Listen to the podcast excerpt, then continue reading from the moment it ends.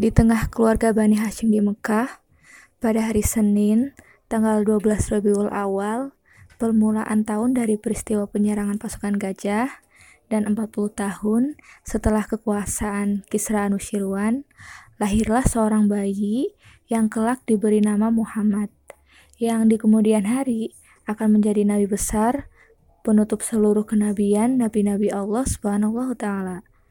Beliaulah Rasulullah Muhammad Shallallahu Alaihi Wasallam. Suara hati.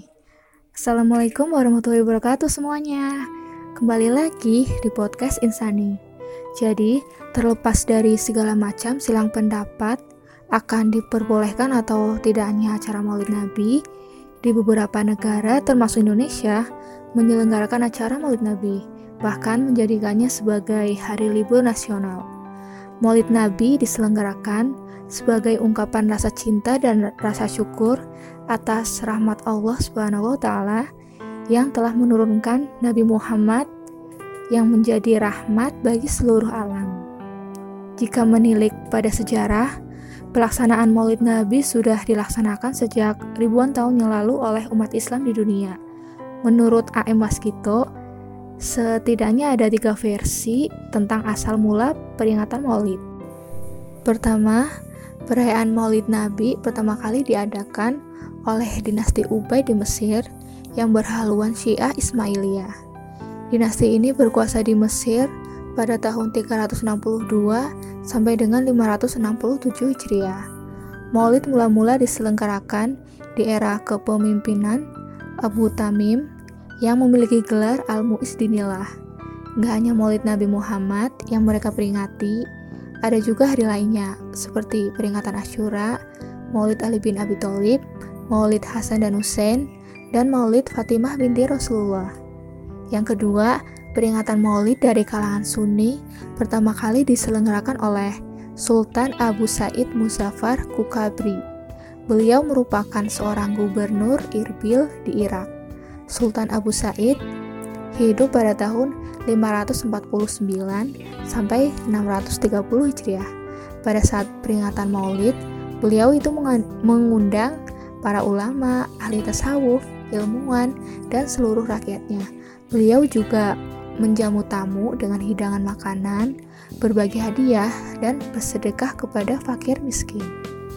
Ketiga, peringatan Maulid Nabi pertama kali diselenggarakan oleh Salahuddin Al-Ayyubi di mana beliau merupakan penguasa dinasti Ayyub di bawah kekuasaan Daulah Abbasiyah.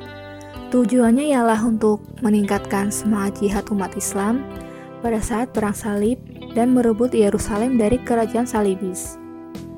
Jadi, dengan melaksanakan peringatan Maulid Nabi, diharapkan kita sebagai umat Rasulullah dapat mengingat perjuangannya dalam memperjuangkan Islam sehingga kita dapat termotivasi dalam melakukan perjuangan.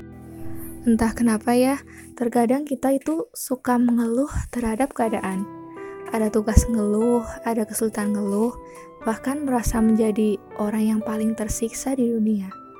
Padahal semua itu tuh nggak seberapa dibandingkan dengan perjuangan Rasulullah dalam menegakkan agama Allah, yaitu agama Islam.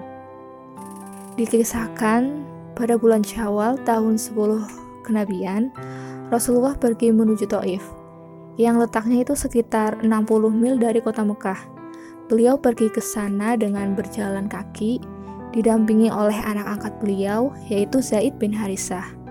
Setiap melewati suatu kabilah, beliau itu selalu menawarkan dan mengajak mereka untuk memeluk Islam. Namun, gak ada satupun dari kabilah tersebut yang memberikan respon. Rasulullah tinggal di tengah penduduk Taif ini selama 10 hari.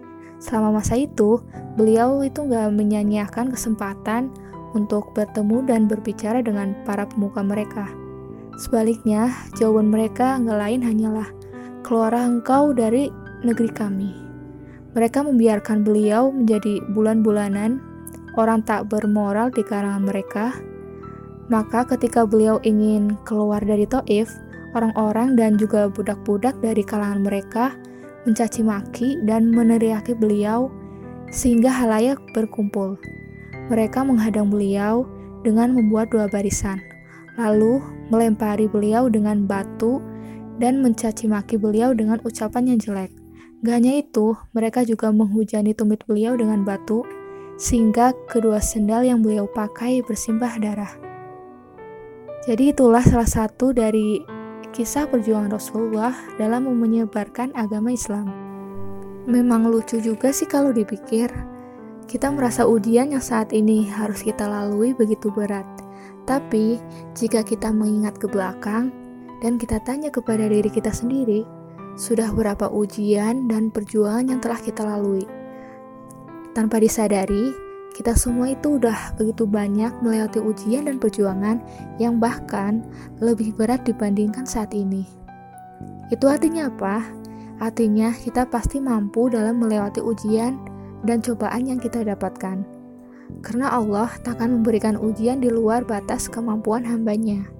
Selain itu, Allah juga memberikan kemudahan di balik kesulitan sebagaimana firman Allah dalam surat Al-Insyirah ayat 5 sampai 6. Maka sesungguhnya bersama kesulitan ada kemudahan. Sesungguhnya bersama kesulitan ada kemudahan. Jadi, semangat buat kita semua yang super sibuk, yang gak ada waktu, yang kurang tidur, yang capek, yang pengen lari dari semua ini. Semangat ya! Dengan adanya kesibukan itu, jangan menjadikan kita jauh dari Allah Subhanahu wa taala. Dan pastinya jaga juga pemberian Allah yang paling berharga, yakni tubuh kita. Jaga kesehatan kita. Dunia itu emang tempatnya capek. BTW jadi ingat perkataan salah satu speaker di suatu seminar yang mengatakan kita semua ialah representatif Islam. Tugas di dunia banyak, istirahatnya di surga nanti ya. Jadi seperti itulah yang dapat kami sampaikan pada podcast kali ini. Kurang lebihnya mohon maaf dan semoga apa yang kami sampaikan dapat bermanfaat bagi kita semua. Terima kasih. Wassalamualaikum warahmatullahi wabarakatuh.